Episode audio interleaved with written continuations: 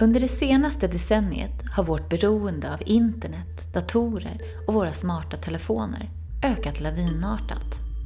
Det är bara att acceptera att det här endast är en början. Men när skärmtiden börjar gå ut över dina sociala relationer, ditt arbete, din hälsa. När du kommer på dig själv att fastna vid skärmen trots att du bara hade tänkt vara online en kort stund. När uppkopplingen börjar bli en flykt, en ångestlindring eller ett sätt att isolera dig. Hjärnan blir kidnappad och du känner skam och skuld på grund av ditt beteende. Då är detta ett problem. Patrik Vincent är själv nykter alkoholist och driver sedan en tid tillbaka Dataspelsakuten och Internetakuten som specialiserar sig på just den här typen av problematik. Patrik är terapeut, föreläser och har skrivit tre böcker i ämnet. Mobilmissbruk, missbruk av sociala medier, dataspelsmissbruk, spelberoende, shoppingmissbruk och sexmissbruk är några vanliga delar inom kategorin internetmissbruk. Många av de här kan få förödande konsekvenser och är inte minst svåra för de anhöriga. Föräldrar som ser sina barn förtvina och isolera sig i sina rum, helt fast i sina dataspel. Män och kvinnor som spelar bort och förskingrar pengar kan inte bara förlora bostad och egendomar, utan även sina familjer och riskera fängelse. Cybersex, tvångsmässigt användande av porr, kan förgöra många äktenskap och relationer. Barn kan skadas av sina föräldrars frånvaro när de isolerar sig vid sociala medier. Eller besattheten när någon ska vinna ett bud på Tradera, aktiehandel eller tvångsmässig shopping. Patrik har sett hem som förvandlats till knarkarkvartar bara på grund av ett dataspel. Vad kan vi som anhöriga göra? Vad innebär ett sunt användande av digital teknik?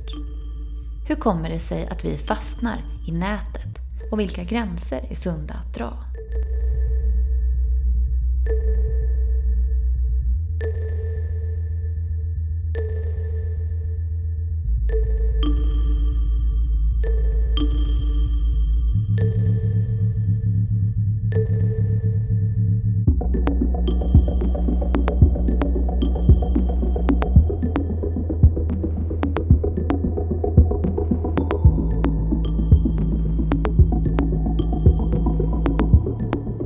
Välkommen till Medberoendepodden Patrik. Tack så mycket. Jag brukar alltid ta så lite avstamp i eh, vem personen jag intervjuar är och vad personen gör. Så jag tänkte att jag frågar dig helt enkelt. Vad, vad är du, vem du är och vad det är du gör? Jag heter då Patrik Vincent och eh, jag är då en auktoriserad terapeut och författare till tre böcker som jag då släppt under de här senaste tre åren, eller fyra åren kan man säga. Och sen är jag en aktiv föreläsare. Jag föreläser runt om i Sverige. Det vill säga föräldraföreningar till sociala kommuner och enheter och sen också elevföreläsningar i skolorna. Jag är också tillfrisknande alkoholist sedan 13 år tillbaks och jobbat med vad ska man säga, missbruk och beroendeproblematik de senaste 12 åren. Men det är de senaste fem åren som jag då specialiserat mig kring då dataspelsmissbruksrelaterade problem. Eh, och eh, ja, alltså skärmproblematik generellt, alltså när man börjar se tvångsmässiga beteenden och liknande och hjälpa då familjekonstellationer med olika typer av program och, och driver då en enhet som heter då Dataspelsakuten och eh, en annan som heter Internetakuten. Nu berättar du lite om din bakgrund som, som alkoholist och sådär. Men hur kommer det sig att du liksom började rikta in dig på just de här ämnena? Jag själv har ju varit en pro-gamer tidigare. Jag har spelat väldigt mycket dataspel. Jag är uppväxt med de här gamla Atari och Commodore 64. Det vill säga innan internet eh, kom, kom till. Och var väldigt fascinerad med spelande och kunde göra det väldigt eh, långa perioder. Men sen så blev jag äldre och alkoholen tog över och jag var även med i ett popband som hette Look Twice, Ville jag etta i Sverige 1994 och släpptes i 39 länder. Så det blev ju väldigt mycket så alkohol och festande och sådär. Men sen så blev jag faktiskt nykter. Ja, när jag blev nykter så kom det ju väldigt starka intensiva känslor upp till mig nu när jag på något sätt inte hade någon sån här substitut eh, eh, och substanser som jag på något sätt fyllde min kropp. Och, och de här känslorna var överväldigande. Så jag faktiskt gick tillbaka till spelandet och spelade och då fanns det ju internet och då spelade jag de här MMO-spelen, tidigare, Counter-Strike och GTA och massa andra spel va, som, som på något sätt psykoaktivt kunde förändra mina känslor och mitt humör som gjorde liksom att jag att det kändes mer bekvämt att vara i den här virtuella världen. Och det gjorde jag väl ett tag, men sen så uh, tog jag mig ur det, fick hjälp från min omgivning, gick, gick i terapi själv, ville själv utbilda mig, gick en femårsutbildning och uh, Eh, ville hjälpa människor. Och, men då var det ju fortfarande, det vill säga läkemedel, narkotika, alkohol. Jag föreläste gentemot eh, eh, näringslivet, svenska företag och hjälpte då chefer att identifiera den här problematiken. Så. Men sen är jag också pappa till en tonåring och jag börjar märka att, att min son börjar också spela väldigt mycket spel. Och, eh, Eh, jag brukar säga det att han hade ett knarkigt beteende. Han började liksom sluta med allt annat. Skolan var inte viktig. Eh, Pluggandet var inte viktigt, sin fritidsintresse och jag märkte att allt fokus var just dataspel och jag kände mig maktlös. Jag visste inte vad jag skulle göra. Så jag började ta kontakt och började hitta massa utländska behandlingshem i USA och jag såg att det var massa psykologer och massa framstående människor som då hade skrivit böcker just om det här ämnet. Och, eh, och jag blev nyfiken så jag köpte massa böcker och började läsa dem. Och, började kontakta dem, bygga broar med dem och, hade Skype-möten. Och, och, där då uppkom den här eh, idén att starta Dataspelsakuten. Nu nämnde du ganska många olika spel och sådär. För många som eh, kanske inte alls har någon, någon koll på de här spelen. Alltså, tänker jag, jag har kanske spelat liksom Nintendo eller ja, men lite sådana grejer. Jag förstår att det är lite annat upplägg på de här. Kan du beskriva lite hur de här spelen fungerar och vad liksom själva grejen och mekanismen är? Alltså, det är när internet kom till så blev det en helt annan eh, våg av spel som kallas då för MMO, eller MMORPG. Och det står för Multimassively Player Online, alltså spel som du kan spela på nätet. Och skillnaden med det är väl att de spelen är ändlösa, så det tar oftast aldrig slut. Innan så var det ju eh, det vill säga story mode, du gick från vänster till höger och till slut skulle du döda en stor boss, ping pang pung och så var spelet slut. Men nu är det ju mer ändlöst. Eh, det finns ett rankningssystem som är sofistikerat, som, som, som är väldigt lång väg för att du ska kunna eh, klättra upp och det är väl de flesta spelen som är då inom MMO. Och eh, det är väl just det att det tar aldrig slut och sen är det klaner och gildar som, som du kan samarbeta ihop med lag, lag, lagkamrater från hela världen i stort sett.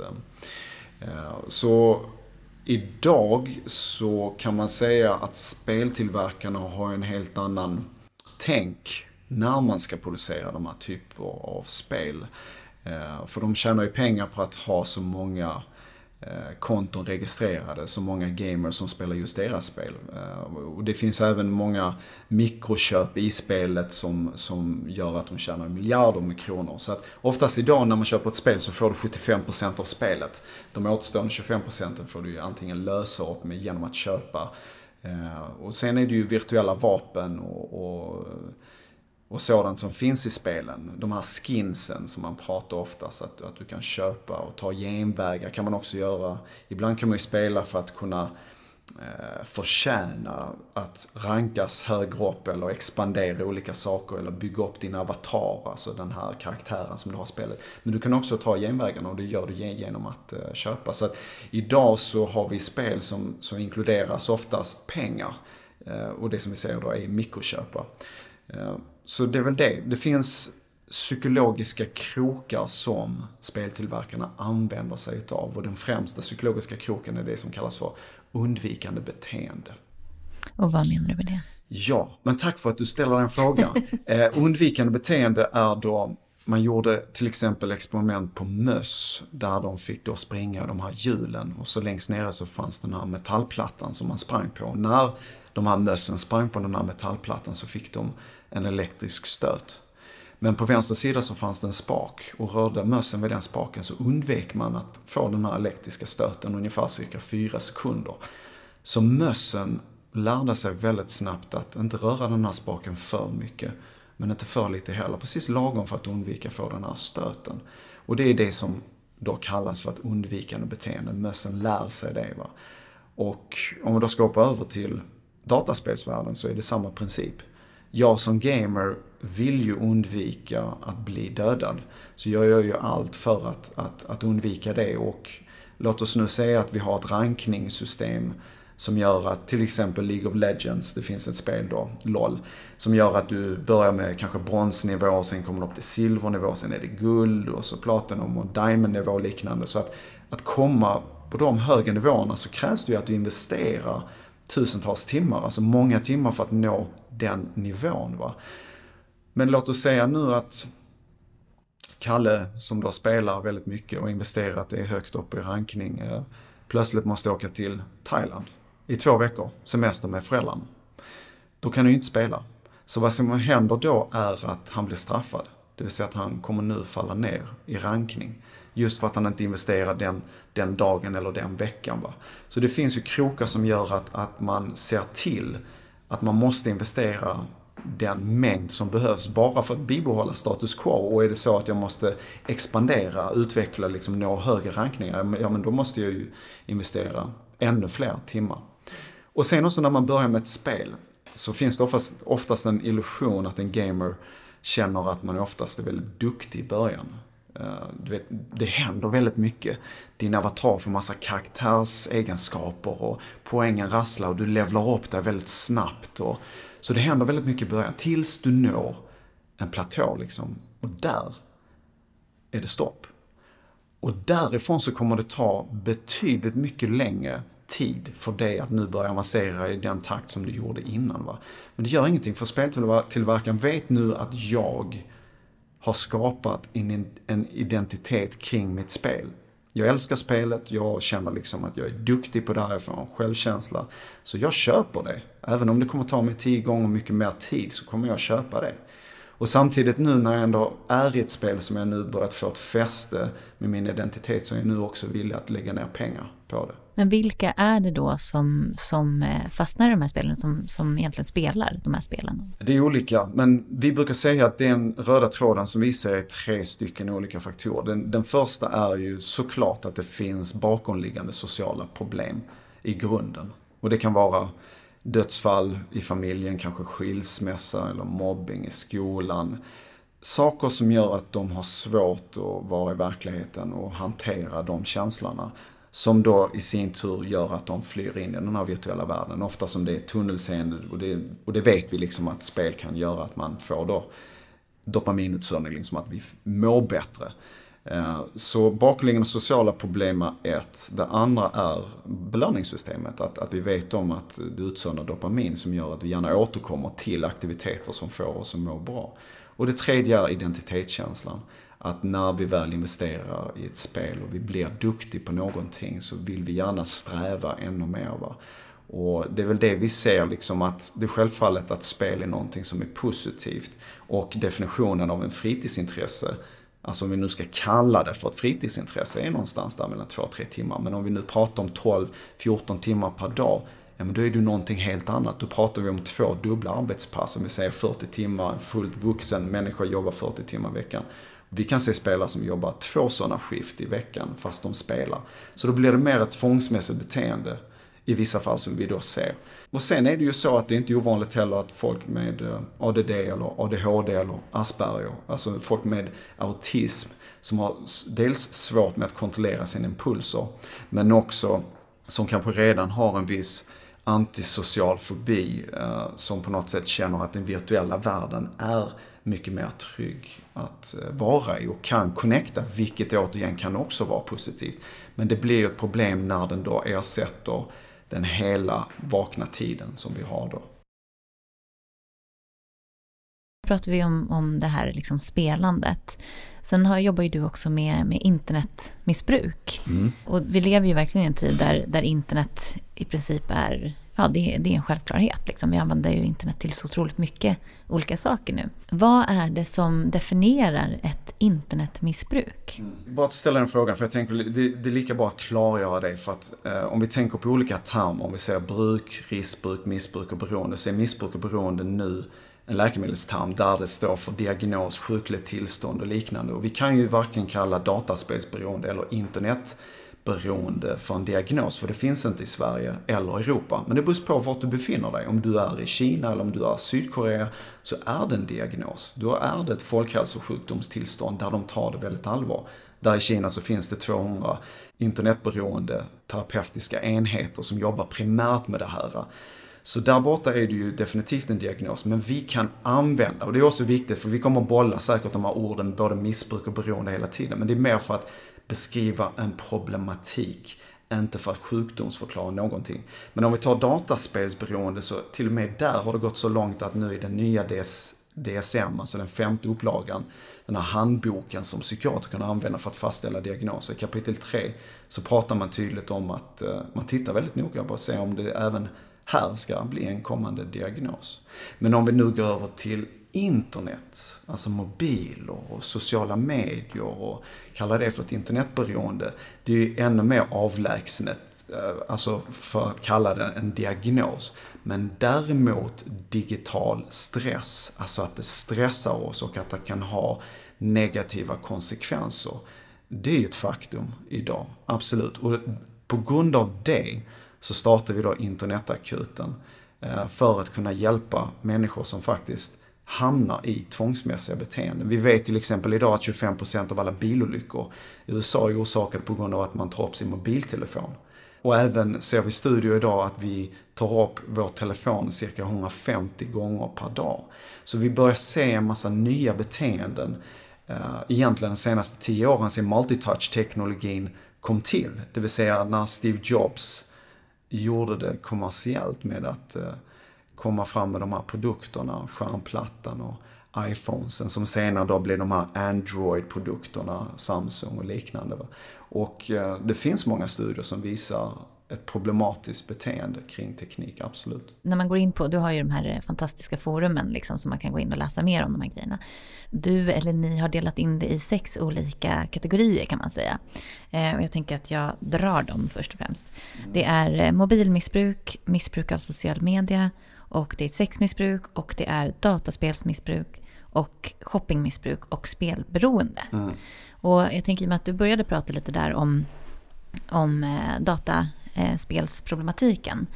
Hur, när vet man att det är ett missbruk, liksom ett beroende? Eh, och när det är ett, ett spelande för att man har kul? Oftast där så tittar vi på när det uppstår negativa konsekvenser i ens liv. Och utifrån socialt, fysiskt och mentala aspekter. Om vi då tittar på några varningssignaler utifrån socialt så kan det vara att man eh, får sämre betyg i skolan sen två år tillbaks. Man, man märker att det har blivit mer spelande och, och att betygen har då försämrats.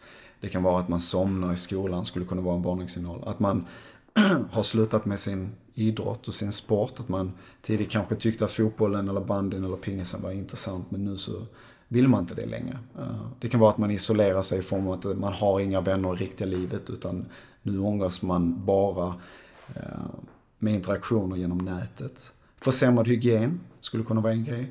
Ja, så man struntar i att borsta och tvätta håret och duscha, att man tycker det är onödigt eftersom jag kommer ändå bara vara framför datorn och så. Kortsiktiga aggressiva tendenser skulle kunna vara en varningssignal. Det finns till och med en term för det som heter gamers rage. Ja, det kan vara sämre sömn, koncentrationssvårigheter, karpaltunnelsyndrom som är närskada på grund av en ensidig rörelse. Så det är några av de här varningssignalerna. Så att när det uppstår de här eh, symptomerna så kan det vara bra att titta lite närmare på det och se varför de här uppstår. Och med de som kommer till oss så är det inte ovanligt att det är just att det är spelandet, skärmtiden är extremt mycket. Vi vill också försöka undvika just ordet skärmtittandet eller skärmtiden i sig. Men faktum är att på ett dygn så har vi ett visst antal vakna timmar. Så har vi då saker och ting i balans, det vill säga vi går till skolan, vi pluggar, vi rör på vår kropp, vi tränar och så vi lägger oss in, inom en viss rimlig tid. Ja men därefter så har vi ju då de timmarna som vi kan då använda som nöjesaktiviteter oavsett om det är Eh, sociala medier eller Netflix eller om det nu är spelande. Det är klart att man ska ha det och kunna njuta av det. Men faktum är, vi kan inte ha spelandet eller nöjestittande med all den vakna tiden. Va? Så det handlar liksom om att hitta en balans. Så vi står för spel. Vi tycker liksom att det är en kulturform idag som är extremt positiv. Men oftast så blir man ju fast på grund av de här psykologiska krokarna. Mm. Och jag tänker att vi kikar på, så vi kan få lite sådär nyanser i de här delarna. Ett mobilmissbruk, hur kan det se ut? Ja, alltså jag brukar prata om att mo mobilen har blivit den nya cigaretten. Det vill säga vi tar upp den så fort vi har, har tråkigt eller känner oss ängsliga. Va? Och som jag sa innan, studier visar då liksom att vi tar upp telefonen cirka 150, vissa studier säger till och med 300 gånger per dag. Så att det är ett beteende där vi människor har en djup primitiv instinkt att alltid behöva veta vad som händer runt omkring oss. Så egentligen är det inte mobilen i sig, utan det är innehållet och den förmågan var, alltså, som det kan ge oss. För vi kan få svar på allting. Så har vi då en primitiv instinkt att behöva veta vad som händer runt omkring oss, så ger mobilen oss den möjligheten att ge oss de svaren. Så därför har vi då en tendens att också vilja ta upp vår telefon hela tiden. Jag menar, det har gått 10 minuter, det kan ju ha hänt någonting nytt. Så att även när man går till exempel på biografer så ser man ljuskällor som poppar upp hela tiden i de här raderna. Och det är inte ficklampa som tänds. Utan det är ju Alltså en människa som har svårt till och med att se på en film fullt ut. Och det är klart att det är den människans rätt va. Men vad är det som gör att vi måste ta på vår telefon hela tiden? Sen pratar jag om det här med mo mobilgående zombies, liksom att vi är ju helt uppslukade vid telefonen, att vi till och med tittar i vår telefon samtidigt som vi går. Vad händer? Vi krockar in i väggar, vi krockar in i stolpar, vi krockar in i människor. Eh, jag hade en klient för några år sedan som trillade ner på tågspåret för att han var helt uppslukad i sin mobiltelefon och det var två minuter innan tåget skulle komma. Han klarade sig lyckligtvis, men han var skärrad och han ringde till oss. Så att han upplevde själv liksom att det var tvångsmässigt beteende. Och, mm. Så jag menar, när vi tittar på telefon samtidigt som vi går så använder vi en, en fjärdedel av vårt synfält. Det är klart att vi inte blir om, alltså, medvetna om vår omgivning och det i sin tur kan ju vara en, eh, Eh, en risk för olika saker. Men sen också, om vi pratar om digital stress så har vi ju sett att hjärnforskare har sett att mobiltelefonerna på grund av alla vibrationer och sms och arbetsmedel liksom utsöndrar kortisol och adrenalin i vår kropp, alltså stresshormoner. Just för att vi människor nu mer och mer börjar reagera som katter. Du vet när en katt, så fort den hör ett ljud eller ser en plötslig rörelse så hoppar den till. Och, och vi människor börjar också göra detsamma. Vi twitchar våra kroppar och huvuden så fort vi hör de här ljuden eller att det vibrerar och liknande. Och det stressar oss. Så det, det är klart att sådana saker gör att vi också eh, har ett aktivt autonomt eh, nervsystem. Och det är inte ovanligt heller att man tar in sin mobiltelefon in till sovrummet och det sista man gör innan man lägger sig är att man har telefonen bredvid sin säng som en liten snuttefilt eller vad man nu ska kalla det för. Va? Och det kan också påverka en själv. Jag vet att det gjorde även för mig när jag hade min telefon. Vibrationer och sms och ljussignal och allting. Så det stressar en. Och vad jag gjorde var att ta bort telefonen, satte den på en neutral plats och köpte en helt vanlig hederlig Clas Ohlson-klocka med batteri. Liksom.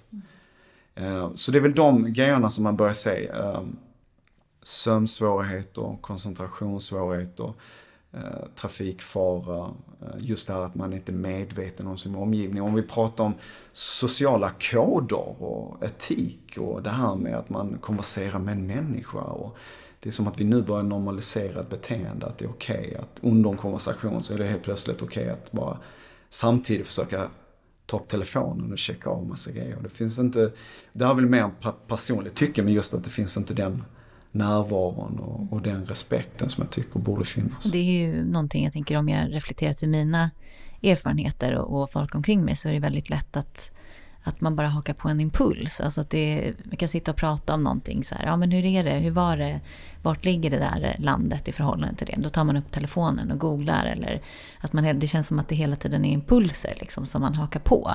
Mm. Och det tänker jag, för egen del så kan det, då är det ju att man på något sätt kliver ur samtalet och, och eh, kliver in i mobilen. Och det, jag, jag, tänker inte ens på när, när jag gör det. Liksom. Mm. Ja, det är intressant för det, det, finns till och med någonting som heter Google-effekten. Uh, Google är någonting som är fantastiskt. Det är ett världsbibliotek. Vi behöver inte ens kliva in i ett fysiskt bibliotek. Vill vi ha svar så är det bara toppen. Sen självfallet gäller det att vi är uh, källkritiska. Det finns ju mycket skit där ute också såklart. Men så det mesta är ju definitivt positivt. Men om vi skulle säga någonting som forskare har sett så är det ju det här som de kommer fram till som heter då Google-effekten. Att vi glömmer information, att vi hinner inte lagra det i vår egen hjärna. Att de säger att det är vissa delar av vår hjärna som vi inte arbetar längre med. Just för att Google har ju blivit den nya hjärnan. Det har ju blivit den del där vi kan få svaren istället för att leta den själva i våra hjärnor. Så, så, vi, så på det sättet så är vi mer beroende av Google. och det är intressant att åtminstone veta i alla fall. Och sen är det ju även andra uttryck som uppstår på grund av teknologins framfart. Till och med phantom vibrationssyndrom.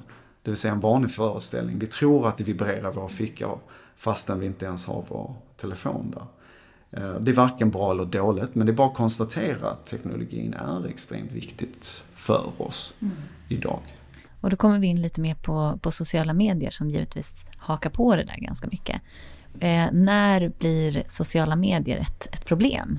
På ett sätt så är det ju, eh, det vill säga indirekt i en mobiltelefon också, så det, så det på något sätt korsar i det. Men om vi tar sociala medier generellt så kan man ju säga, säga till att börja med att man, vi använder sociala medier oftast för att representera våra idealiska jag. Ofta så ser vi allting väldigt positivt. Det är klart att vissa av oss kan våga vara känsliga och berätta om vårt inre. Och, eh, nu för tiden är det väldigt politiskt kan jag tycka också. Att vi vill gärna framföra våra politiska åsikter och syften. Men, men, men oftast är det idealiska jag. Och är det så att jag mår dåligt redan, alltså in, innerst inne och jag ser att alla andra på sociala medier mår bra, så kan det förstärka mitt, eh, Eh, min dåliga självkänsla. För att jag jämför mitt inre med vad jag ser på de här sociala medierna. Och det är någonting som kallas för Facebook-depression.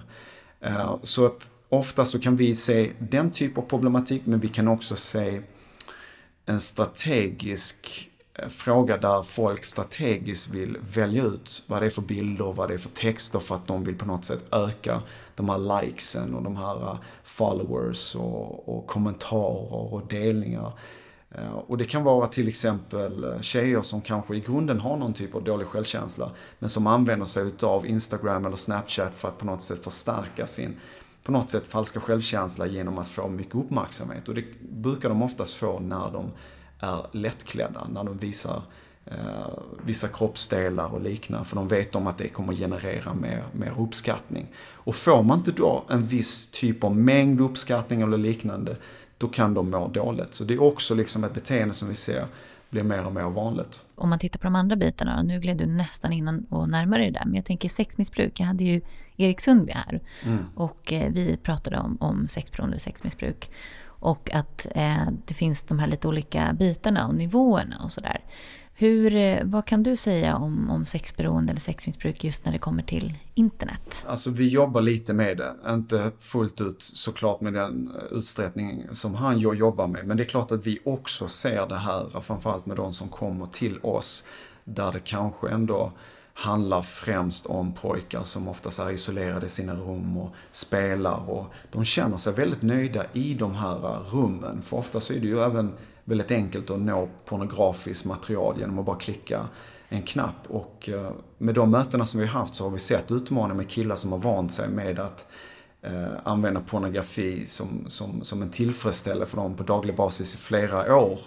Så, som gör att när de väl ska då träffa en kvinna eller en tjej så blir det svårt. För de har vant sin hjärna med en viss typ av olika utbud och baserat också på deras egna eh, behov och krav. Och helt plötsligt så när man nu går ut och möter en tjej eller en kvinna så, så märker man ju att de också har behov och krav och det kan finnas en, en intimitet som, som vad vi märker kan ofta skrämma dem. Eh, så det kan bli den typ av svårighet också som kan uppstå när det gäller eh, dagens pornografi. Mm. Spelberoende, och nu pratar vi då inte dataspel utan ett annat typ av spel mm. och Eh, missbruk kan ju också ligga ganska nära.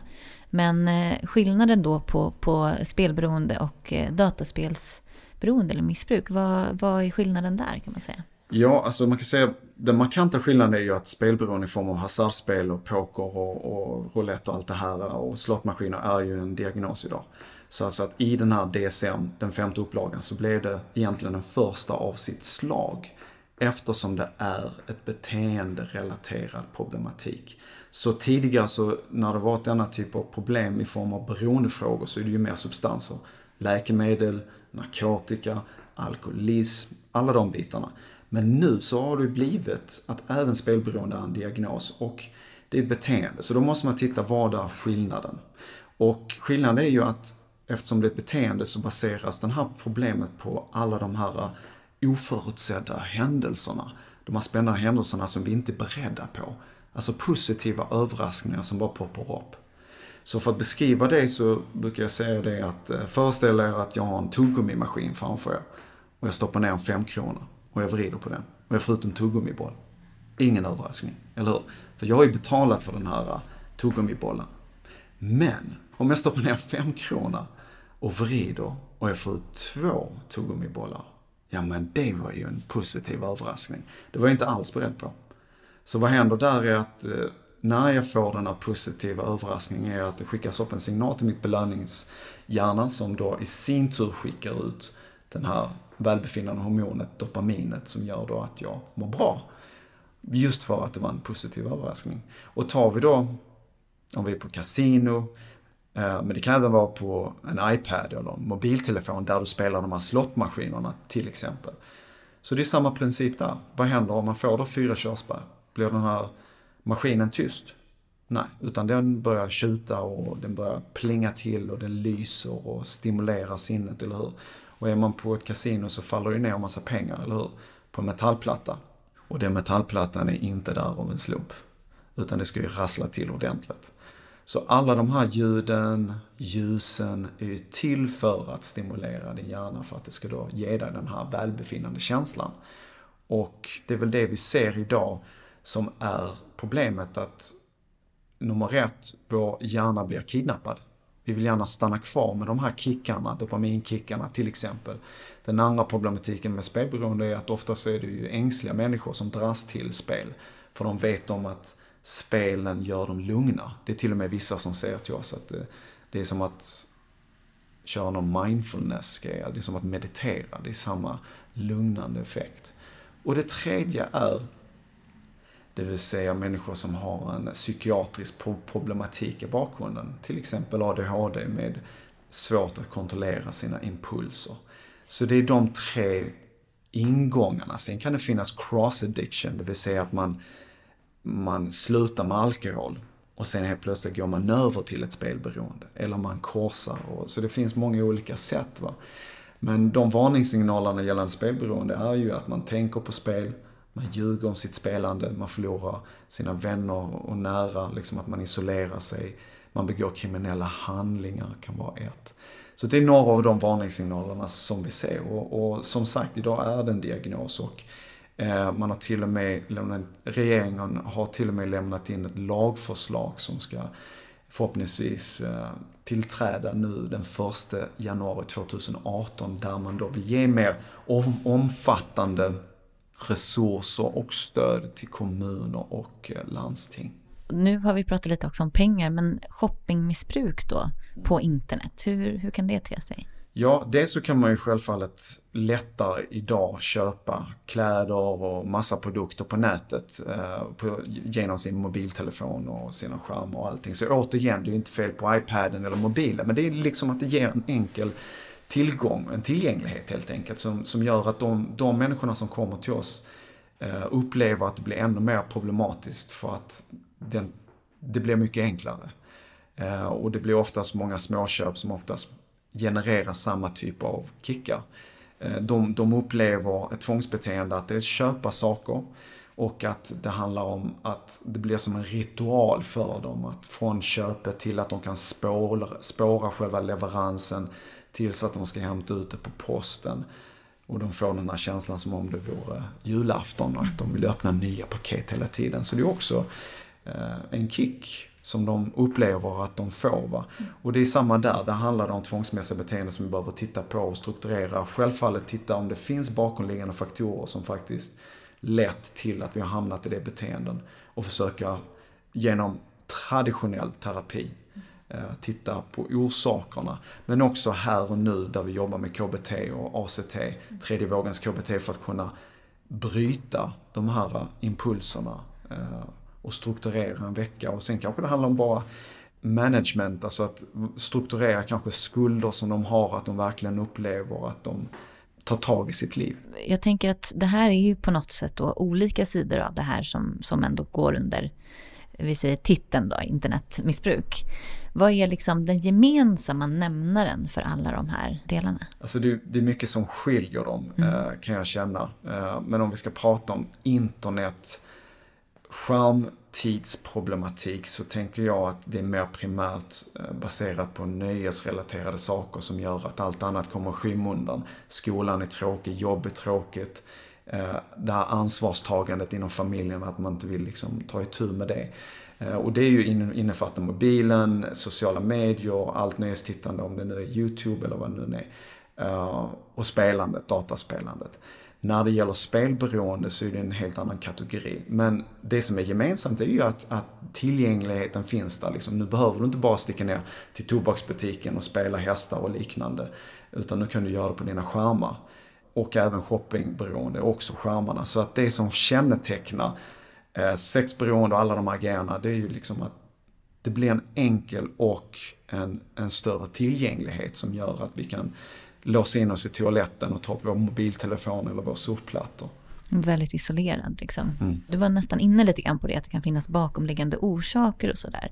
Hur kan de se ut och liksom, hur uppkommer egentligen ett, eh, de här typerna av, av missbruk eller beroenden? Det är en bred fråga. Alltså när det gäller trauman så kan det vara alltifrån uh, incest, det kan vara uh, skilsmässa, föräldrarna har, separerat som gör att pojken som kanske idag spelar väldigt mycket eh, har inte kanske fått uttrycka sin sorg eller inte fått den möjligheten som gör att man får svårigheter att kunna handskas i den riktiga världen som gör att spelen kan, kan vara ett sätt att vara en ventil för dem till exempel. Att, att psykoaktivt förändra sina känslor och sitt humör.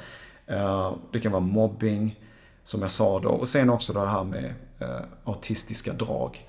Eh, Asperger, ADD och ADHD som gör att man kan dras in i det här. Mm. Men alltså om vi tänker på nya definitionen av beroende. Innan så pratade man om det här att det är 10% av alla som är beroende människor och man tittar på genetiska faktorer. Och sen så kommer det nya saker som pratar om att ja, men det handlar om den här otryggheten, den här anknytningen när man kanske inte hade en full frisk anknytning från sin barndom som gör att man tar till sig saker som kan förändra våra känslor och vårt humör. Så att beroende, oavsett om det är att man flyr in i alkohol eller om man flyr in i någonting som kan förändra våra känslor mer effektivt, så får man jämföra med utsöndring av dopamin. Liksom. Du vet, många säger det, men vadå, kan du inte fly undan i att vara en drejare, att du, att du, att du drejer för mycket eller att du surfar för mycket. Så ja, men då måste vi titta på det här med dopamin, utsöndringar, det här med kidnappa hjärnan. Vad är det vi ser i studier liksom som faktiskt kidnappar vår hjärna mer? Jag menar att surfa är ju hälsosamt och, och jag har ännu aldrig sett någon som ljuger om sitt drejanvändande eller liksom vänder på dygnet för att man vill dreja eller sjukskriva sig. För det, det finns säkert det. Det finns ju massa konstiga studier där ute. Eh, men, men på något sätt så är det vissa aktiviteter som dras till en mer än vad andra gör. Nu är det här medberoendepodden, jag tänker på anhöriga. Dels, eh, du är ju egenskap av förälder också till någon som, som har eh, fastnat i det här dataspelsanvändandet. Hur, hur, vad, hur upplever man det här som anhörig? Vad ställs man inför för problem och, och sådär? Ja, alltså för mig själv, om jag pratar från min egen erfarenhet, så känner jag att jag vill gärna inte på något sätt separera generationer genom att säga ja nu ska vi till skogen, på min tid det var bättre förr och vi ska leka med sten och cowboys, indianer eller skateboard. Och, du vet, så, det är nya tider, teknologin är här, det finns nya beteenden, det finns en ny kultur. Vi måste anpassa oss också och verkligen se på att ungdomarna kommer använda teknik på ett helt annat sätt. Det är ett sätt att interagera och det är inget fel i det. Så tekniken går framåt och vi måste som föräldrar börja acceptera också en viss aspekt Eh, att de använder på ett helt annat sätt. Men jag känner att jag vill ha vissa strider som jag vill vinna. Vissa strider kommer jag inte vinna, men vissa strider vill jag vinna. Och de striderna som jag kämpar som pappa är ju att det är bra med vila på kvällarna, att de sover bra och att de sköter sig i skolan och att de rör på sig, att de tränar och att, och att läxorna är gjorda. Sen om min son vill bli en gamer eller vill liksom går den vägen så kan inte jag hindra det. Det är inget fel i det. Jag kanske eh, skulle tycka parkour eller andra saker skulle kunna vara på sin plats. Men, men det är inte egentligen min grej att avgöra egentligen. Så jag tänker att de utmaningar som vi har som föräldrar är just det här med att åtminstone att låta barnen få också ha fria zoner. Så att jag ser lite grann som det här med tekniken som en mat. Det vill säga matmissbruk. Om vi ser någon som missbrukar mat, som äter dygnet runt hela tiden, kan ju inte sluta äta mat. Eller hur? Utan det måste ju hitta ett sunt förhållningssätt. Och jag tänker det är samma sak med teknik.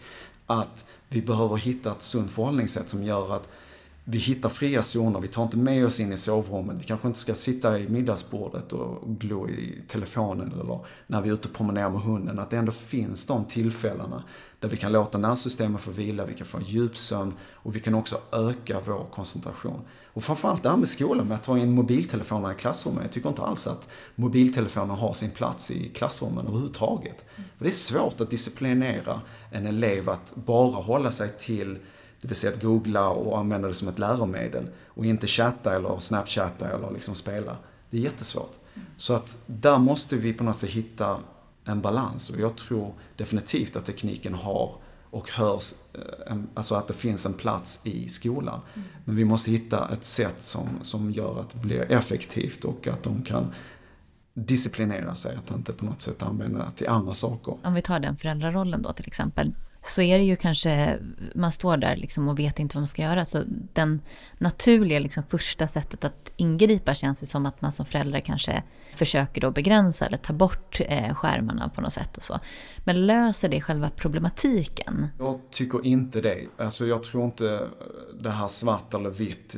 Eh, och framförallt en tonåring som dels har en sund frigörelseprocess i sig också. Som på något sätt vill ja, men vill, vill göra det på sitt sätt eh, så tycker jag liksom att det är bättre med kommunikation, att man pratar om det. Liksom att man till exempel tillsammans kan sätta sig ner och diskutera. Men hur kan vi ha det tillsammans? Där det finns ett gemensamt samarbete. Vi bor här tillsammans allihopa. Vad är det vi ska ha för förutsättningar? Så jag tycker definitivt att kommunikation är bättre. Oftast när föräldrarna går in och bara rycker sladden. Det är den här berömda scenen. De, de, de har tjatat att det är mat nu tio gånger. Till slut så får de panik och så går de in. Kalle sitter där mitt i en LOL-match och så drar mamman ut sladden. Dels kan jag tycka att det är kränkande, men samtidigt så kan jag förstå mammans frustration också. Va? Så det måste på något sätt finnas en respekt från båda sidorna. Dels att Kalle får sin egen fritid och liknande. Och, och jag tror att det är det som är utmaningen. Oftast när en kille är en frigörelse är att de på något sätt ska kunna börja ta mer ansvar i hemmet också.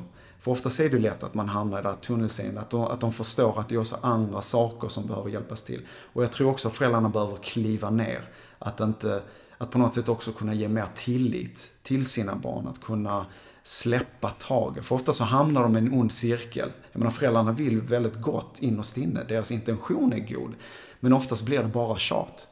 Det finns oftast, när vi jobbar med föräldrarna, oftast väldigt få tillfällen där de faktiskt lyfter barnen, alltså stärker dem och det. Och jag tror att det är viktigt att bryta den här onda cirkeln, att på något sätt låta de här tonåringarna också få möjligheten att ge dem chansen att faktiskt kliva upp. Va? Så att förutsättningar i hemmet, så att maten, man kanske lagar mat tillsammans, man tar undan disken, man lägger sig i tid, man gör läxorna, lite så. Att det finns på sin plats. Sen ska ju Kalle i sitt rum få ha sin egen privata tid, absolut. Mm. Men det kan handla om att planera det bättre. Om man är om nu Kalle ska gå in i en LOL-match som varar en timme, då kanske han inte ska planera den när det, när det är eh, matdags. Utan att det finns en kommunikation, så det finns en förståelse. Och definitivt så tycker jag att föräldrarna bör lära sig mer om barnens internetvanor och spel. Att de kanske till och med kan tillbringa en halvtimme om dagen eller några dagar i veckan att ställa nyfikna frågor och varför spelar de här spelen? För då får man också reda på väldigt många olika behov som man skulle kunna förverkliga även i verkligheten. Många som säger spela krigsspel, alltså first person shooter-spel, som kanske älskar att gå på paintballklubbar och rulla sig i skogen, i leran och du vet, vara i naturen och, och eh, socialisera sig med andra människor. Nu vet jag att du också föreläser en del om nätmobbing och sådär. Jag tänker att som förälder så ser jag i alla fall att det kanske uppstår samma typ av maktlöshet. Och vad, vad, vad säger du om, om vår tids eh, mobbing då på nätet och, och eh, vad ställs man som, som anhörig eller förälder inför? Ja, oftast är det ju uteslutet att föräldrarna vet väldigt lite om vad barnen gör på nätet. Så det är också ett sätt att man kan ha en kommunikation, att lära sig vad de gör och varför de gör. Och också att barnen ska på något sätt kunna känna en tillit och trygghet, att de kan faktiskt säga de här sakerna, om det nu händer no någonting med dem, till sina föräldrar. Och i och med internets eh, tillgång så är det ju lätt att vi har massa trollande, liksom att man, man kan vara mer i en större utsträckning elak mot varandra för att man ser inte konsekvensen utav det. Det vill säga om jag nu skriver någonting till en människa som, som jag inte kan se framför mig så är det lätt för mig att skriva den här saken för jag ser inte den reaktionen. Men däremot om du som person skulle stå mitt framför mig och jag skulle helt plötsligt säga att du, du gråter eller att du blir väldigt ledsen så skulle jag få typ kanske någon typ av ångest, att jag skulle ångra mig. Men det, det gör vi inte. Så det finns en helt annan utsträckning idag som gör att det blir mycket enklare. Mm. Och framförallt den andra personen då som blir utsatt Eh, isolera sig, kanske då vågar inte sträcka ut händerna liksom att be om hjälp. Och det är det som vi ser som ett problem idag, att, att det är svårt att komma åt det på samma sätt och därför är det viktigt att på något sätt informera, åka ut i skolor, berätta varningssignalerna kring nätmobbning, hur man kan hantera både som förälder men också eh, som stöd. Att, att eleverna och kompisarna kan faktiskt hjälpa varandra. Om jag sammanfattar lite grann så låter det som att det man behöver göra kanske då som förälder, att, att kommunicera och intressera sig och lära sig mer om vad, vad barnen eh, befinner sig någonstans.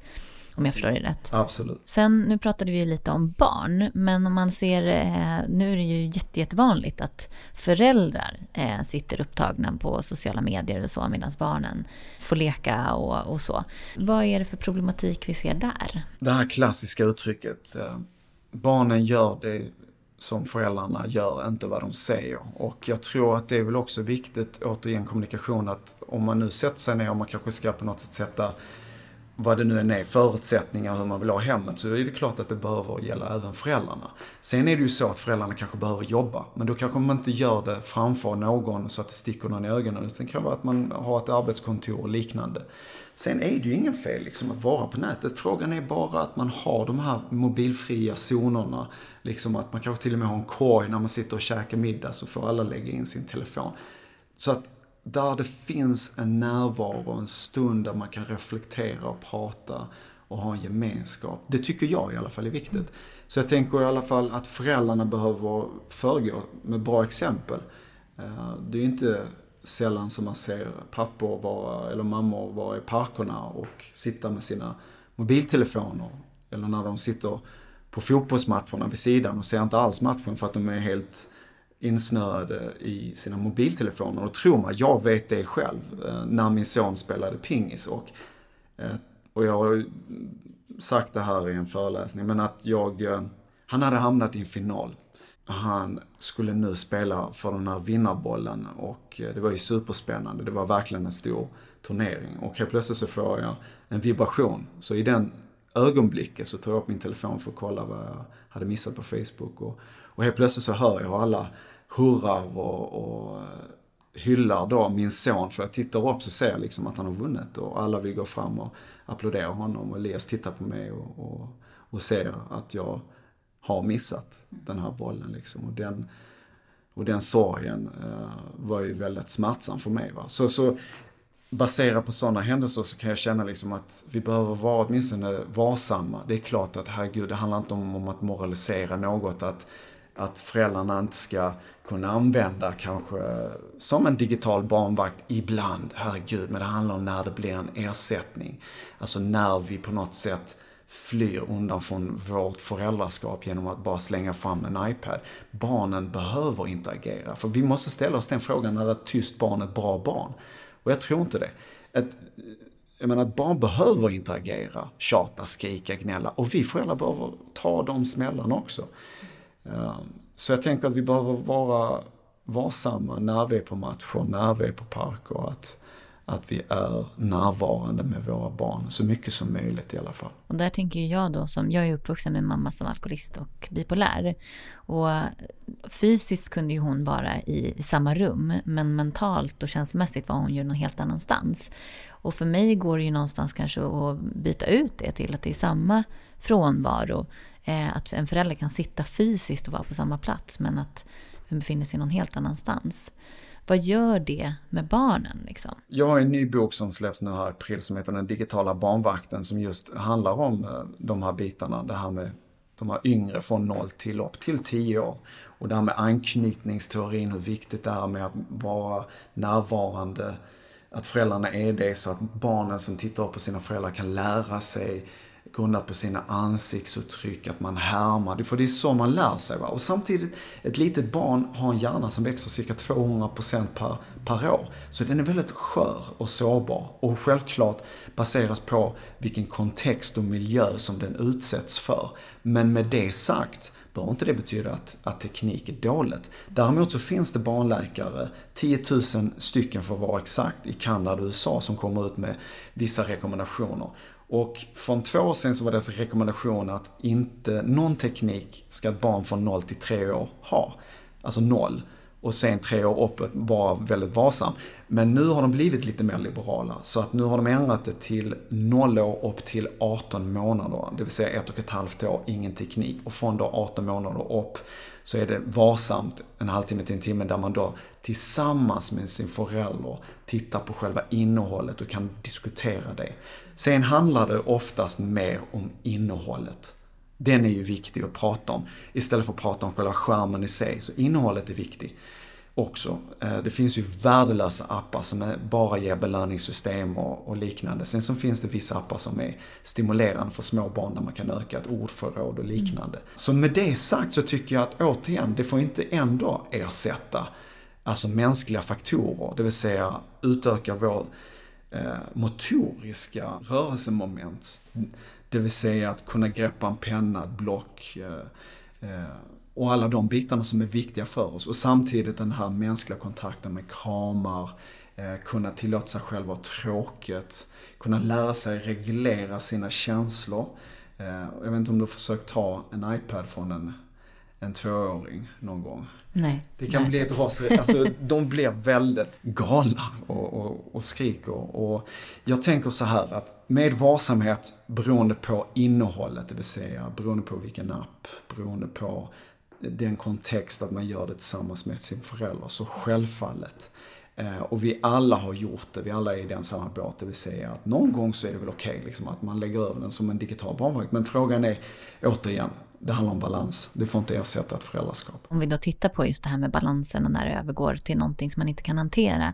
Jag upplever ju att eh, ganska många då, eh, jag har inga barn själv, men, men vänner som är föräldrar och så, att det uppstår ganska mycket skam och skuld efteråt. Att man känner att jag sitter där med min mobil och skulle bara göra någonting och sen plötsligt har jag suttit där i en och en halv timme och ungarna springer runt. Liksom.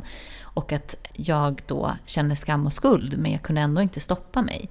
Ligger man i någon riskzon då tänker jag till att det har gått överstyr, liksom, att man inte kan hantera det längre. Först och främst så får man titta på vad den skuld och skammen består av. Å återigen, vi vill inte skamförklara föräldrar va? men samtidigt så är det så här att ibland så kan man behöva en käftsmäll också. Det bara är så. Alltså, det är ju så lätt att säga, ja men ni som skriver om det här och debattartiklar om att tekniken är dåligt och eh, har du varit en förälder, har du varit i min situation, du vet inte hur det är. Och självfallet, liksom, återigen, det handlar inte om att säga att de inte får någon teknik överhuvudtaget. Så att det är väldigt svårt att säga var gränsen är. Jag menar, det viktiga är att titta på när de här barnen är små, vad är det för kontakt har du med dem? Gör ni andra saker? Läser du en saga innan de går och lägger sig? Eller är det bara skärmar hela tiden? Och, och det är svårt att veta gränsen. Men återigen, jag refererar till de barnläkarna och, och, och jag tycker väl att det låter sunt. 0 till 18 månader, det vill säga noll teknik och sen då 18 månader upp till 3 år, det vill säga en halvtimme, max en timme. Mm. Så det handlar inte om liksom 3-4 timmar, vi sitter en bilresa, vi kanske ska åka någonstans, vi har en treåring där bak eller en tvååring och så ger vi en iPad i 6 timmar. Det är inte hälsosamt. Det skulle inte jag säga, nej. Kvittar oavsett vad det är. Och återigen, innehållet är viktigt. Jag menar, slänger man fram den senaste Walt Disney-filmen och de får sitta och kolla i 3-4 timmar, det tycker inte jag är okej. Okay. Nu pratar vi ju ganska mycket om, om de här olika nyanserna och så. Men de som söker sig till er har ju någonstans kapitulerat inför att det här är ett problem de inte kan hantera själva. Var går den gränsen och vilka är det som, som vänder sig till er? Vissa föräldrar kan ju komma till oss och säga, ja mitt barn är uh, dataspelsberoende. Och så ställer vi frågan, ja men hur mycket spelar de? Ja men han spelar en timme om dagen. Och då är det självfallet liksom ingen pro problem. Och då måste vi vara ärliga och säga att det är faktiskt inte ett problem. Jag menar, utan återigen, är det en fritidsaktivitet och du kan hantera andra saker, då är det, då är det okej. Okay. Uh, och då kan det finnas andra problem. Då kanske det är annan typ av traditionell terapi som man behöver titta på. Så oftast när föräldrarna kommer till oss, då har det gått överstyr. I de flesta fallen. Det vill säga att de spelar kanske 10 timmar, 12 timmar all vaken tid, att rankning är det viktigaste för dem. De slutar gå till skolan, de, de vänder på dygnet. Eh, och när det blir den typ av mängd eh, så är det ju väldigt många av de konsekvenserna som vi pratade om tidigare, sociala, fysiska, mentala, som dyker upp konstant. Och det är klart att då har föräldrarna oftast tappat greppet och vill ha hjälp. Och då försöker vi titta hur vi kan på något sätt bryta de här eh, negativa beteenden och försöka hitta en, återigen en balans. Och vi pratar inte om total avhållsamhet utan vi, vi vill gärna prata mer om att försöka få insikt och försöka, eh, återigen som matmissbrukare, försöka hitta en normal balans på sin teknik och sitt spelande. Du har ju nämnt lite grann sådär äh, kring ett sunt förhållningssätt och så. Men om det är någon som, som känner, och då tänker jag då, det är en sak kanske att sträcka fram en iPad till barnen och sådär, men det är ju ganska vanligt att föräldrar då till exempel sitter och, och spelar eller shoppar eller gör de här sakerna. Vad har du för tips om man nu önskar försöka bryta de här vanorna lite grann? Vad, vad kan man tänka med och vad kan man börja? Ja, alltså familjekontrakt jag menar, det är viktigt att säga att vi har en sanning. Eller, jag menar, det finns inte alla sanningar. Det finns många olika sätt som man kan gå tillväga. Men, men vi känner liksom att om det handlar om en yngre tonåring så kan fortfarande ett kontrakt där vi inkluderar barnet vara passande. Faktiskt att man sätter sig ner, man sitter i köket eller vad det nu är och går igenom liksom, vad är det för ändringar som vi behöver göra baserat på hur tidiga saker har skett. Va? Och det kan vara lägg, alltså läggdags, alltså när är det man ska lägga sig. Ska man ha tekniken i sovrummet? Kanske ta bort det. Ska man röra sig? Obligatoriskt. Man kanske behöver på något sätt säga att ja, men vi behöver liksom att eh, du rör på dig. Liksom. Det är inte hälsosamt att bara, och sen energidrycker eller socker eller vad det nu är, att det är mer på helgerna och liknande. Och skolan, att, att det är viktigt. Så att man skriver kontrakt, man kanske har en signatur, man skriver på och sen har man det synligt någonstans. I köket där, om man är nu om man har glömt någonting så, finns det, så är det väldigt enkelt att gå ut i köket och, och titta på kontraktet. Så det kan vara ett sätt. Sen har vi familjemötesformat som vi också använder sig utav där man veckovis, en gång i veckan, går igenom saker som har varit bra, så man hyllar varandra, man berömmer varandra, men också skapa möjligheter man kanske kan be om ursäkt. Man behöver inte hitta på något, men är det så att det finns möjligheter där man ska be om ursäkt till varandra så kan man göra det. Och sen titta på saker som eh, ämnen som beslö, beslutades förra veckan och ta upp de bitarna. Och sen även nya ämnen som ska diskuteras. Så finns det liksom en inventering inom familjestrukturen där man kan faktiskt lyfta. Oftast finns det inte tid för det. Va? Man jobbar sent, man hinner inte, man går om varandra i korridoren. Men här finns det en möjlighet att faktiskt sätta sig ner och, och um, möta varandra i närvaro och i kommunikation. Mm. Men sen också det här som jag nämnde innan, mobilfria zoner. Att, alltså att man, man, man eh, har olika tillfällen där man beslutar att inte använda teknik. Kanske en dag i veckan, kanske på middagarna, i sovrummet, vad det nu än är som passar. Sen har vi en, även en, en övning som vi kallar för eh, mobilhögen som oftast vi tycker är bra och uppskattande. Det vill säga om ni är ute och fikar eller om ni är på en restaurang och ni är ett större sällskap så kan ni ta upp er telefon, sätta den i mitten på bordet med displayen nedåt. Och den första som tar sin telefon får betala för hela notan. Men om alla lyckas låta bli att ta sin egen telefon, då behöver man bara betala från sin egen nota. Och övningen avslutas då när kvällen är slut eller när själva lunchen är slut. Men de som inte då lever i en familj, utan det är ganska många, tänker jag, som, som lever ensamma, som inte har någon som står och knackar på, liksom att hallå, nu vill vi ha uppmärksamhet eller så. Hur eh, kan man tänka då? Ja, först och främst är man då själv och isolerad så behöver den personen nå sin botten eller på något sätt få någon typ av insikt där den personen vill då sträcka ut handen och kanske ringa till någon enhet, till exempelvis oss eller vad det nu är. Så vi får ju inte kontakt förrän den personen själv sträcker ut handen och då måste det finnas någon typ av villighet. Och därefter kan vi titta på och strukturera hur den människan har det i sitt liv och kommer med vissa rekommendationer. Sen om det på något sätt passar honom så kan vi då ge honom den stöd som han behöver. Ehm, sen kan det finnas föräldrar som vet om att deras son är själva och att de har ett problem. Då är det ju mer kanske en, en intervention som är passande. Det vill säga att man gör ett kvällsbesök hos den personen där eh, familjemedlemmar tillsammans med oss kommer på plats och genomför den här interventionen. Och ofta så är interventionen syfte att få någon som är i förnekelse eh, att gå från ett ja eller från ett nej till att på något sätt bli mer villig att åtminstone gå mot en mer sund riktning och att göra mer sunda förändringar i sitt liv.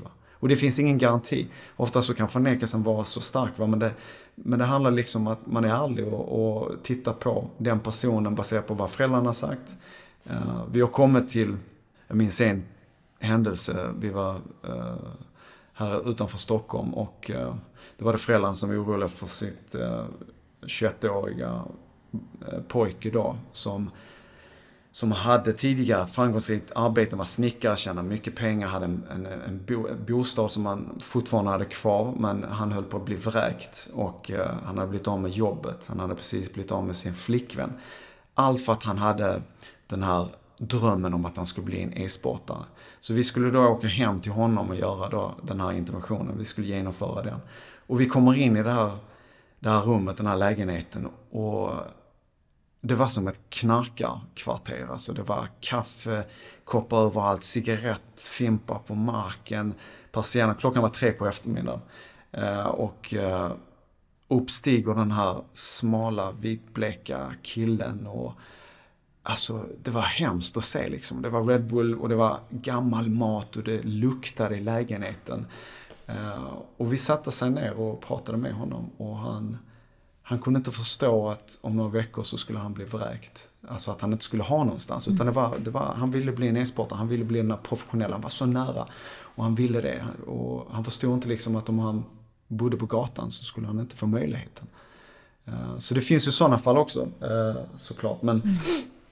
Men det handlar liksom om att försöka få någon som, som, som inte är medveten på något sätt blir åtminstone mer villig att diskutera och mm. titta på de konsekvenserna som dyker upp i deras liv. Och om det är nu, jag tänker både som anhörig att det är ju väldigt, väldigt svårt för det, det är svårt att veta var man ska vända sig någonstans. Nu är du här som en väldigt bra representant och jag tänker att om någon nu eh, känner igen sig eller har en anhörig och så och man vill söka sig till er. På vilket, vad är det för typ av hjälp man får hos er då? Ja, alltså vi har ju då eh, till exempel ett läger nu i sommar som heter Digital Detox Camp. Så dels så kan man ju vara med på läget som är på fem dagar och då kommer ju ungdomar och tonåringar och så strippar vi dem från all teknik och så får de bo i skogen och connecta med varandra och vi gör roliga saker. Men också tillåta sig själv vara tråkigt, bara vara i tystnad och mindfulness och uh, massa andra saker. Uh, vi jobbar också med någonting som heter passageriter, rites of passage. Uh, oftast som man har tidigare i tusentals år använt i afrikanska stammar eller indianska stammar. Och det är ju det här när pojkarna kommer upp till tonåren så sker det ju förändringar. Det vill säga att eh, den här klippa navelsträngen blir mer naturlig, den här frigörelseprocessen, det vet vi ju alla. Och då vill man ju oftast i de här stammarna, till, till exempel pojkarna, klippa navelsträngen med sina mammor. Innan har man blivit omhullad, man har fått mat och man har varit i centrum i universum som pojke. Men nu ska man på något sätt börja lämna pojken och gå in i att bli en ung man. Och då ska man gå in i en utmaning. Så man, man klipper navelsträngen, man frigör sig och så går man in till en utmaning. Och oftast där, i de här stammarna, så handlar det om att pojkarna eh, får ett spjut eller de ska liksom jaga i skogen eller djungeln liksom och eh, gå igenom den här utmaningen. Det kan vara bungee jump också för höga trädtoppar som man gjorde tidigare. Oavsett så ska det vara en stark utmaning och du får inte komma hem till byn förrän du har lyckats med den här utmaningen. Och när man väl har gjort det och man kommer till byn så blir du hyllad och firad. Inte nu längre som en pojke utan som en ung man som faktiskt står på två fötter. Som inte är i centrum av universum, som faktiskt nu är någon som, som hjälper till. Som är en del av det. En kommunitet som hjälper till. Eh, och det är det som är skillnaden, den, den transformeringen. Passageryttarna står för liksom frigörelsen, utmaningen och coming home-facet. Och jag tror att i vårt samhälle idag så ser vi, åtminstone i min bransch, eh, så ser jag liksom 24-åringar som fortfarande bor hemma, som blir omhullade, som, som, som blir på något sätt curlade, slipper betala hyra, behöver inte jobba, får mat i sitt rum och fortsätter med sitt beteende. Och oftast när man når den här höga åldern så finns det oftast, så inte alltid, men oftast en skam som finns där. För de jämför med sina andra kompisar som har gått förbi, de har fått jobb och lägenhet och flickvän och allting. Men de fortfarande sitter i källaren och spelar World of Warcraft. Mm. Och jag tycker det är synd, för vi vill ju så väl, vi vill ju liksom lyfta deras potential. Och den transformeringen när man kommer in i tonåren tror jag är viktig. Och jag tror många missar den idag. Och vi har, vi har haft passageritter här i Sverige. Lumpen lumpen är passageskit. Oavsett vad vi tycker. Jag, jag är inte heller för det här med pistoler, liksom vapen och allt det här. Men, men den processen som lumpen gör är en klassisk passageskit. Det vill säga, vi lämnar någonting gammalt, går in i någonting nytt, en utmaning. Och sen, när, efter nio månader eller vad det är, du kommer hem, då är du helt annorlunda. Du är ju rustad för helt andra saker. Och jag tror att vi vill gärna också implementera det i våra läger med just de här passageriterna. Liksom att de ska börja tänka och även genomgå lite, lite utmaningar så de känner sig stolta. Att de, att de kan bygga upp, att, att vi kan hjälpa dem att bygga upp deras eh, självförtroende och självkänsla. Och sen också då sex veckors program har vi som är terapeutisk eh, natur då med KBT, ACT och, och även ja, sex veckors program och 12 veckors program. Då tänker jag liksom som en liten avrundande fråga sådär att nu använder vi ju, alltså internet använder vi ju till mer och mer saker och eh, det gör ju givetvis också att vi blir mer och mer beroende av internet och digital, den digitala världen. Om du skulle spå liksom lite grann i framtiden, vad tror du blir liksom den största utmaningen framöver? Stor fråga, men jag tänker om du kanske har, du jobbar ju med det, så du kanske har andra tankar. Ja, den är nästan filosofisk, mm. eller hur? Mm. Men om vi, om vi Ja, om vi börjar med de senaste tio åren sen då Steve Jobs revolutionerade kan man säga i och med den här multitouch-teknologin som möjliggör att vi kan trycka på skärmen och sen komma ut på nätet. Multitouch-teknologin är ingenting som han uppfann, men han gjorde den kommersiell. Det har funnits tidigare. Men för tio år sedan så, så, kom så gjorde han det kommersiellt. Men vad många inte vet om är ju att Steve Jobs själv var low-tax savvy. Att han själv till och med förbjöd sina egna barn att använda hans egna produkter i hans eget hem. Under vissa perioder och under måltider och liknande. Och att han har gått ut i intervjuer och sagt liksom att han vet att det är lätt att fastna i den här typen av teknik. Och samtidigt så var han själv en praktiserande meditatör. Mm. Han mediterade på daglig basis. Så det är också viktiga frågor. Liksom att han tyckte om teknologin samtidigt som han också visste vad det kunde göra med en och att det var viktigt med närvaro och meditation, att ha den här inre, eh, inre spektionen. Och, och, jag tror också att precis som Einstein brukade uttrycka liksom att eh, han skulle inte ens kommit på hälften av de sakerna om man inte tillät sig själv att ha tråkigt. Mm. Så just det här bara komma i kontakt med vår kropp, att tillåta sig själv att inte göra någonting är en utmaning idag. Jag menar, Eh, en 90-talist eller någon som är född på 2000-talet, den millenniumgenerationen, har ett uppmärksamhetsspann på 8 sekunder. En guldfisk har ett uppmärksamhetsspann på 9 sekunder. Mm. Så att där, eftersom vi har ett scrollsamhälle där vi blir bombarderade med information så måste en ungdom idag liksom sortera vilken information som är värdelös och välja det som den personen tycker är intressant. Så därför är det viktigt kanske också för dem att börja reflektera det här med att ha tråkigt, komma i kontakt med kroppen, kanske läsa böcker, låta fantasin för eh, sväva iväg också, att skapa bilder som vi gör i böcker. Jag hade en klient som sa, men varför ska jag läsa en bok när jag kan få en sammanfattning på YouTube på två minuter? Så det är lite det här tänkandet, det här genvägstänkandet. Och jag tror att ibland så funkar inte bara alla genvägar. Sen är det också viktigt om vi tar de här IT-giganterna, alltså den som kom på Eh, Wikipedia, alltså grundaren, eller en av Google-grundarna som placerar sina barn på eh, Montessori-skolor och Waldorf-skolor som vi vet är teknikfria. Liksom. Så att det är också en intressant fråga. Hur kommer det sig? Så om vi tittar på framtiden så är det klart att vi kommer att integrera med teknik ännu mer. Virtual reality-världar, så är det. Eh, det är ju runt hörnet och det kommer bli ännu mer Eh, och det, är positivt på många, många sätt så ser jag verkligen fram emot det. Men jag tror också att det kommer sätta oss på spets. Alltså att vi behöver också förhålla oss till det på ett mer sunt sätt. För att vi får inte glömma att eftersom tekniken går så snabbt framåt för varje år så måste vi ändå komma på att människan är densamma sen stenåldern. Vi har inte utvecklats, vi har samma hjärna, vi har samma nervsystem, vi har samma kropp. Så det är inte konstigt att det blir en kollision inom vissa områden med inlärningsproblematik, med koncentrationssvårigheter, med sömnen och, och de bitarna. Så därför är det viktigt att titta på det och förhålla oss till det eh, med sunt förnuft. Jag tror att vi låter det bli sista ordet. Tusen, tusen tack Patrik. Och vi lägger ut givetvis lite olika vägar vi kan, eller man kan nå dig. Ja, jättefint att ha dig med. Tack, ja, tack för att jag fick komma. tack. tack. Vill du komma i kontakt med Patrik kan du gå in på www.patrikvincent.se. Vill du veta mer om dataspelsmissbruk eller internetmissbruk kan du gå in på dataspelsakuten.se eller internetakuten.com. Patrik har släppt tre böcker. När vi släpper kontrollen, Den digitala drogen och Digital diet. Vill du veta mer om medberoende kan du gå in på www.medberoendepodden.se. Glöm inte att följa oss i sociala medier. Där heter vi givetvis Medberoendepodden.